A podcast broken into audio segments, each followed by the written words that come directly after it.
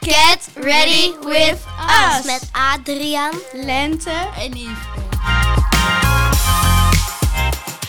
Wij stellen vier vragen en beoordelen die. Oké, eerste vraag. Films of series?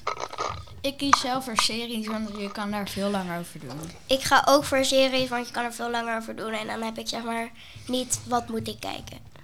Ik kies zelf voor films, want ja, dan zit je lekker knus op de bank met je familie en lekker chips. Volgende vraag. Tekenen of verven?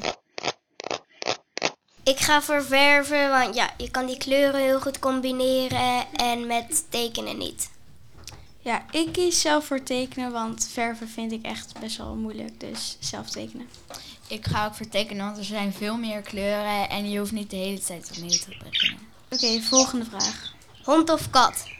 Oké, ik kies zelf voor een hond, want ja, ik heb ook zelf een hond. En ja, dus Ik kies ook voor een hond, want het voelt echt als een kind. Je kan ermee spelen, je kan hem eten geven. Ik kies ook voor een hond, want ik heb er zelf ook één. Maar als je een kitten hebt, vind ik hem wel wat speelser. Volgende vraag. Slippers of schoenen?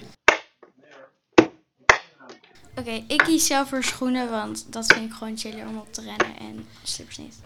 Ehm, slippers zijn, die zijn wel heel erg chill, maar schoenen die vind ik echt veel ehm, fijner, want die gaan ook niet zomaar uit. Ik ga ook voor schoenen, maar slippers geven je een heel zomerig gevoel. Maar ik krijg blaren, dus ja.